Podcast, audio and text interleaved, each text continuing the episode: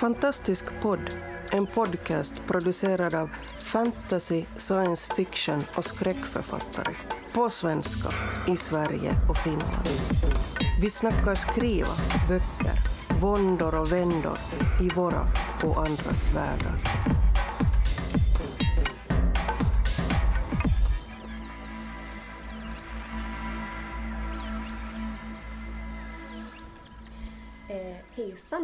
Välkomna till Fantastisk podd. Nu är det jag, Liv, som eh, för ordet lite eh, idag, tänkte jag.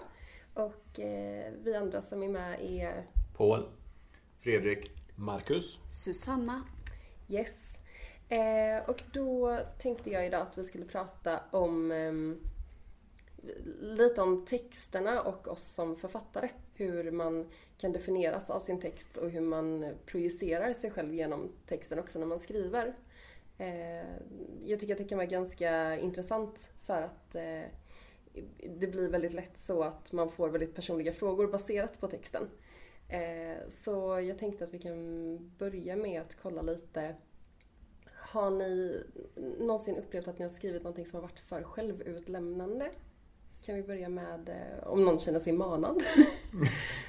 Men jag, jag tror inte att jag har gjort det medvetet, men jag märkte... Jag, jag hade en före detta vän eh, för några år sedan och vi började bråka och hon, hon bråkade. Jag, jag bråkar väldigt lite för jag är väldigt konflikträdd. Eh, och, och jag tänkte inte mer på det och sen när jag läste igenom manuset som jag skrev under den tiden så märkte jag att det kom, återkom väldigt mycket eh, av de dialogerna vi hade haft. Eh, och det det redigerade jag ju lite för vissa saker var så här, ja men det här är ju uppenbart att jag har tagit inspiration av det här. Men jag, jag har nog aldrig riktigt börjat skriva någonting som skulle vara personligt eller privat och sen tyckte att det var, det var för mycket Mm. i efterhand. Mm. Marcus? Jag vet inte om... Nej, det tycker jag inte. Sen sparar man ju undan jobbiga grejer och använder sig av men det är inget som jag utlämnar taget ur verkligheten utan det, Mm. det skruvas ihop på nytt. Man plockar isär det och Det är som en Franken-bok. sätter ihop en, ja, en Frankenbok. Jag sätter ihop en ny bäst av det hela. Frankenboken. Ja, jag vet inte, nu, nu börjar jag prata här då helt utan eh, instruktion. Men jag har nog, snar, jag har nog snarare tråkat ut mig själv. Eh, när jag gjorde ett försök att skriva någon slags advokatthriller. eh, I olika varianter med och utan magi och lite sådär. Men, men varje gång så slutade det ungefär på samma sätt. Nämligen att det blev en massa såna här talking heads i sammanträdesrum och, och i korridorer och sånt där. Och folk som fikade och lunchade väldigt mycket med varandra. Eh, och, och jag vet inte, det, det kanske helt enkelt var för att jag fick någon idé att om jag ska göra det här så ska jag faktiskt göra det som det är. Eh, och det är inget kul. Ja, ja, det är väl kul att jobba som advokat, det är inte det. Men det är inte så kul att försöka beskriva det och när man då dessutom ska försöka lägga det som det är och blir det liksom jag kan förstå varför många av de här advokattrillersen som handlar om advokatövningar faktiskt, om ni tänker på det, ofta är väldigt lite i rättssalar och i eh, det som faktiskt händer på advokatbyråer. Fundera på det en gång.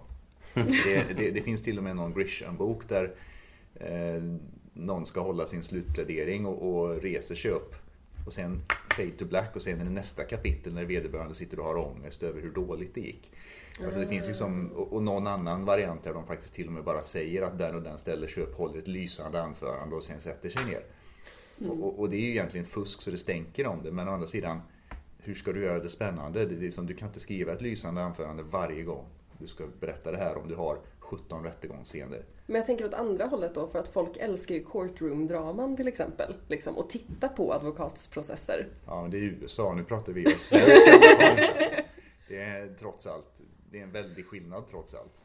En svensk rättegång är ett sömnpiller, en amerikansk rättegång finns i alla fall ett uns av action i. Ah, ja, men det Men du går inte runt här och skapar drama på kontoret då för att få inspiration? Ja, Det får du fråga mina medarbetare. Eh, Ja, ja jag, eh, jag kan väl skriva ganska mycket ut- utifrån verkligheten och eh, när jag, när mina föräldrar läste De döda fruktar födelsen så sen slutade vi prata med varandra. Så det har påverkat definitivt. Ja. Om vi nu ska snacka så. Mm. Mm. Men jag har Ja. en eh, följdfråga apropå Ja. detta. Ehm, att känner ni att när vi skriver någonting utifrån oss själva, Marcus du får höfta denna. eh, när, när vi skriver någonting eh, på samma tråd då, som du, du skrev om din vän eller när du skrev den. Får ni någon känsla när ni läser om texten?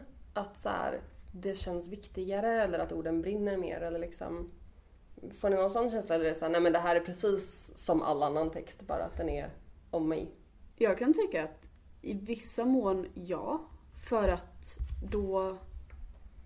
Alltså man ska ju skriva om det man känner till. Det är ju liksom så här eh, allmänt vedertaget. Och då märker ju jag att ja, men nu, nu är det någonting jag har upplevt för det här är väldigt... Det flyter på bättre och det blir mer naturligt.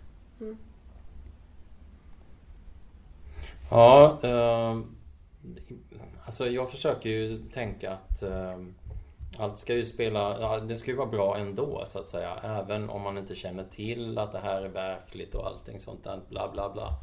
Och ja, jag vet när jag skrev den här Dödfödd när jag var manusstadium och jag hade min eh, eh, spökredaktör Anna som gick igenom den och hon, där hade jag ju en del ganska eh, verkliga saker som hänt mig och som hänt i mitt jobb som jag la in. Men hon tyckte att det här passar inte, det här blir tråkigt. Vem vill veta det här? Och, och eh, då, ja men det kan väl stämma. Så jag kapade dem liksom. Så fick det vara. Sen är det en massa annat så, som är kvar och så. Men, men vissa saker så. Allting, alltså Ja, det blir inte nödvändigtvis bättre bara för det är eget så att det ska passa in också Mm. i storyn. Så. Och det är ju det övergripande, det viktigaste är ju berättelsen. Och så länge man tänker på att det här ska vara en bra berättelse så skiter jag i princip i det. Vad som är med i den, utan bara det blir bra. Ja. Vad kände du om advokat? Eh? Jag har redan sagt så mycket om det så jag, tror, jag, jag är kortfattad nu men jag, jag, jag, fast, jag fastnar nog ändå i att jag, jag, det är svårt att gå igång på det. det. Någon gång kanske jag träffar rätt men än så länge så känner jag snarare att den texten den flyter sämre. Mm. Mm. Marcus.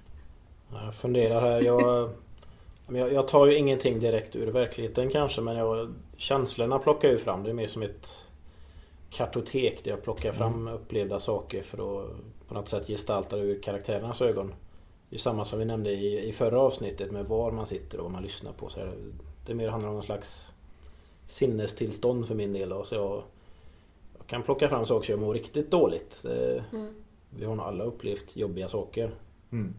Sen kanske jag inte skriver om exakt dem men jag, jag kan hamna där igen.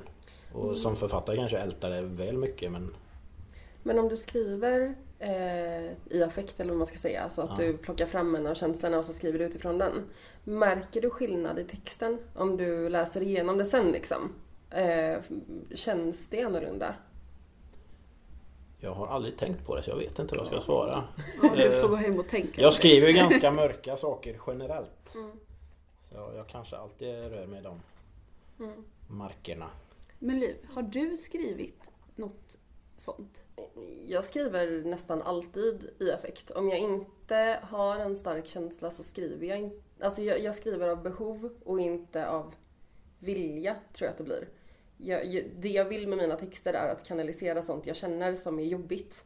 Och det är därför jag skriver skräck, för skräck är alltid metaforer för hur man mår psykiskt eller någonting man går igenom. Den här jättekända klyschan, klyschan med den besatta kvinnan är ju liksom eh, som en metafor för när någon kanske lider av psykisk ohälsa och skiftar väldigt tydligt mellan. Eh, och på samma sätt så är ju spökena eh, ångest. Att vara rädd för någonting som man inte kan ta på.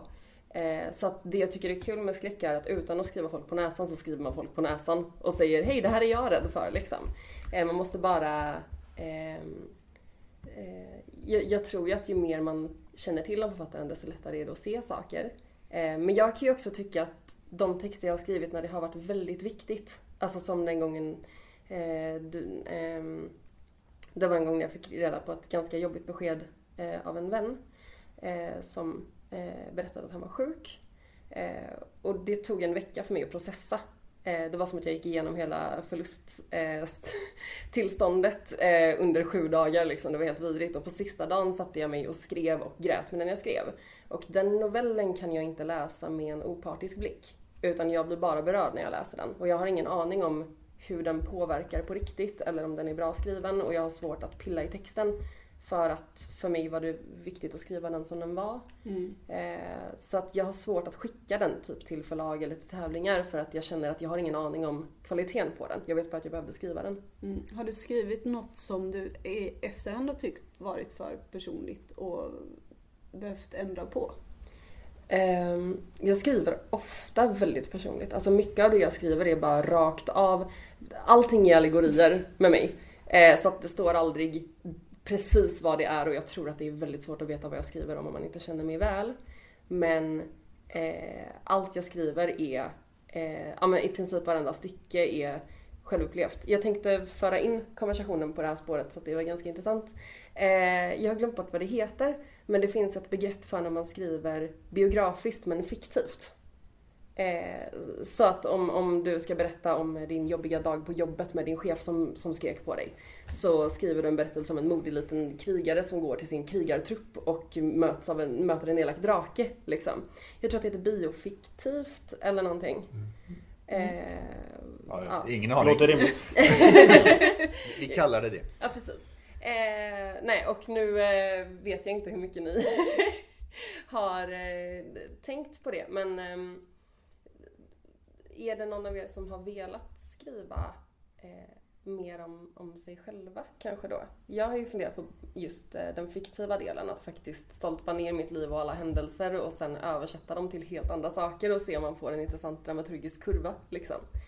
Eh, men det behöver ju inte vara det, eh, utan man kan ju skriva rakt ut om, om sig själv också. Är det någon av er som har funderat på det någon gång? Jag har inte, jag har inte tänkt på det men jag tror att jag gör det mycket. Och det, det kan ju vara av ren lathet att jag inte orkar komma på någonting annat utan det blir bara så här. Ja men nu, nu har det här hänt på jobbet och jag har den här känslan och någon person sa det här. Då är det lätt för mig att eh, sätta den situationen i ett annat, en annan setting eller ja, med andra karaktärer såklart. Och det, för mig sker det ganska undermedvetet. Paul? Ja, jag skriver ju i princip, ja, jag brukar kalla det faktiskt eh, fiktiva självbiografier. Eh, Mm. Men det är väl mest från, från och med Borde vara död sådär. Även innan en, en viss del sådär. Eh, jag vet Ars Moriendi, Konsten att dö, som kom ut först nu 98. Den utspelar ju sig i så här, medeltida Frankrike och där är det precis som med Marcus att jag kanske tog vissa känslor och omplanterade dem sådär.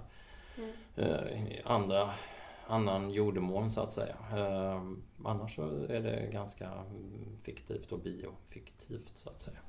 Mm. Extremt mycket. Jag försöker söka mig till just eh, de delar som berör mig som mest och så välter jag mig omkring där så det blir liksom lite energi i texten sådär. Mm. Jag, jag tillhör ju de som har problem med psykisk ohälsa. Jag har gått i väggen två gånger. Senast i fjol. Och eh, jag har ett skräckromanprojekt som kommer handla om en tjej som går in i väggen och hon kommer göra det värre än mig. Och hon kommer göra de här sakerna som jag ville göra första gången jag gick i väggen. Hon kommer nita sin kollega rejält och bli polisanmäld och inte må så bra. Men eh, när jag höll på med den här nu andra gången så gick jag i väggen igen. Och kände att jag inte riktigt mogen att skriva om det där. Det var för, det var för nära på något sätt. Så jag, den ligger i byrålådan igen. Men jag håller på med annat. Men där sa du något som var rätt intressant ändå med det här med vad man är mogen att skriva eller inte. Nu spårar jag ju Ja. helt och hållet här från, från det, men, men jag, tar det ändå. Det är en det är någonting som, som jag tror många upplever och jag upplever det också att vissa saker vill man skriva men varje gång man försöker så är man inte mogen för det. Det blir liksom inget bra. Eh, jag håller på med en grej nu som, som jag har velat skriva länge som jag tror jag är mogen för men det får vi se. Och sen har vi de här deckaradvokatköret, eller kanske inte deckare men i alla fall advokatkör. Där svaret kanske inte är konstigare än att jag är helt enkelt inte mogen att skriva om det eftersom jag springer runt i de här korridorerna och, och, och grejar varje dag. Eh, Vi sitter till och med på mitt kontor och spelar in just nu. Det är ett skräckscenario i sig kanske men... Kommer aldrig härifrån.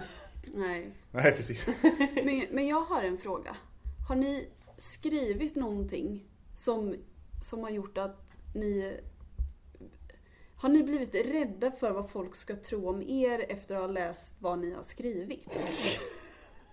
Ja, Ja. Oh ja. För jag, jag skrev min första rena skräckroman. handlar om, eh, den heter Enter Saloville och handlar om en pojke som eh, har en väldigt dysfunktionell familj och utsätts för övergrepp och allt är jättehemskt. Och så lät jag, jag lät min familj eh, betaläsa den här. Och min mamma blev väldigt, väldigt upprörd och sa Men herregud, nu kommer ju folk tro att du är utsatt för övergrepp. Och jag tänkte ju inte ens på det innan. När jag bara skrev den, för jag var så här, det här är en jävligt bra historia. Och efter det så har jag börjat tänka efter lite mer när, när jag skriver, bara för att så här, hur, vad kommer folk tänka? Ja, jo, eh, jag kan väl säga att jag har varit, eh, haft en tanke, men det tycker jag på något sätt försöker jag skärma av den tanken så mycket som möjligt. Så att eh, det här ska bli en bra historia och skit i vissa saker kan jag faktiskt inte skriva om man har inte lust liksom att ta in. Så, men i princip ska man ju kunna skriva om vad som helst annars får, så fegar man liksom sådär. Eh, Så jag söker väl mig nästan till de eh, ämnena sådär. Och sen försöker jag fokusera på att det ska det här är en roman, det är inte verkligheten. Så Mm. jag vill ju kunna ljuga och så. Det är jättetråkigt att bara skriva sanningar rakt av. Mm. Absolut. Jag, eh, den första novellen som jag fick utgiven var en eh, science fiction erotisk novell till Kärlek i maskinernas tid av Affront förlag. Och ehm, då skulle man skriva science fiction egentligen. Eh, och jag, nej det var science fiction erotik. Mm. Och jag tänkte så här, hur får jag det här att bli intressant? Och då gled jag in på någon sån här ga- galen, galen forskare spår liksom med inslag av våldtäkt och, eh, och blod och eh, maktmanipulation. Eh, och jag tyckte att det här var jättekul att skriva och skämdes inte alls när det kom ut och sa till min släkt att nu är jag utgiven. Jaha, vad kul, får vi läsa det? sa de då. Eh, och då tänkte jag att det här hade varit jättekul att ge ut under pseudonym. eh, alla som fick läsa det tyckte att det var väldigt bra och min pappa ringde upp mig efter och bara jag gillar ändå att du skriver om det här som är så sjukt. Och sen så, så här, Sen så sen läser man den här scenen när de blir påtryckta och då tror man ändå liksom på det. Så att ja, jag tror att det var en komplimang liksom. Men jag är fortfarande lite, lite obekväm med att låta min familj läsa det jag skriver nu. Så att jag ligger lite mer lågt med att prata om att det är nya grejer jag skriver. Ja. Eh, Min mamma var ju en av mina första testläsare så den tröskeln gick jag väl över ganska snabbt. Men nu läser hon inte allt jag skriver. Jag har en ganska ja, våldspornografisk novell hemma i byrålådan som en annan testläsare tycker är det bästa jag har skrivit. Jag har bara inte hittat något sätt att, hur jag ska få ut den. Men Pseudonym. den kanske jag kommer... Nej, nej, nej. Det ska vi ta ansvar. Tänker det stå Mm, för det det. är rätt, ja, Marcus. Ja, men jag absolut. tycker man, man får eh, Man får bryta lite barriärer och testa sina gränser. Om, om vi inte ska skriva om något som vi inte har upplevt liksom, vad, vad tråkigt. Mm. Då blir man fast i sitt gamla liv hela tiden. Fast för mig som inte har skrivit sådär direkt. Jag har ingenting som är mer än en gnutta erotiskt om man säger så. Jag har en, jag har en sexscen befintligt i, en eh, grej jag håller på med. Eh, så det är inte, nej, och den är väldigt mjuk.